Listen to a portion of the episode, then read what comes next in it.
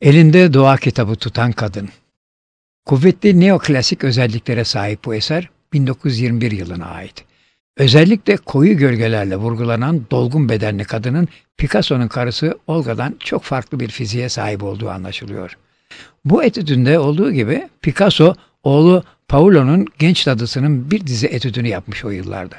Burada sanatçı modelin yüzünü göstermek yerine bedenine iyice oturan ceketinin zarif yakasına odaklanıyor.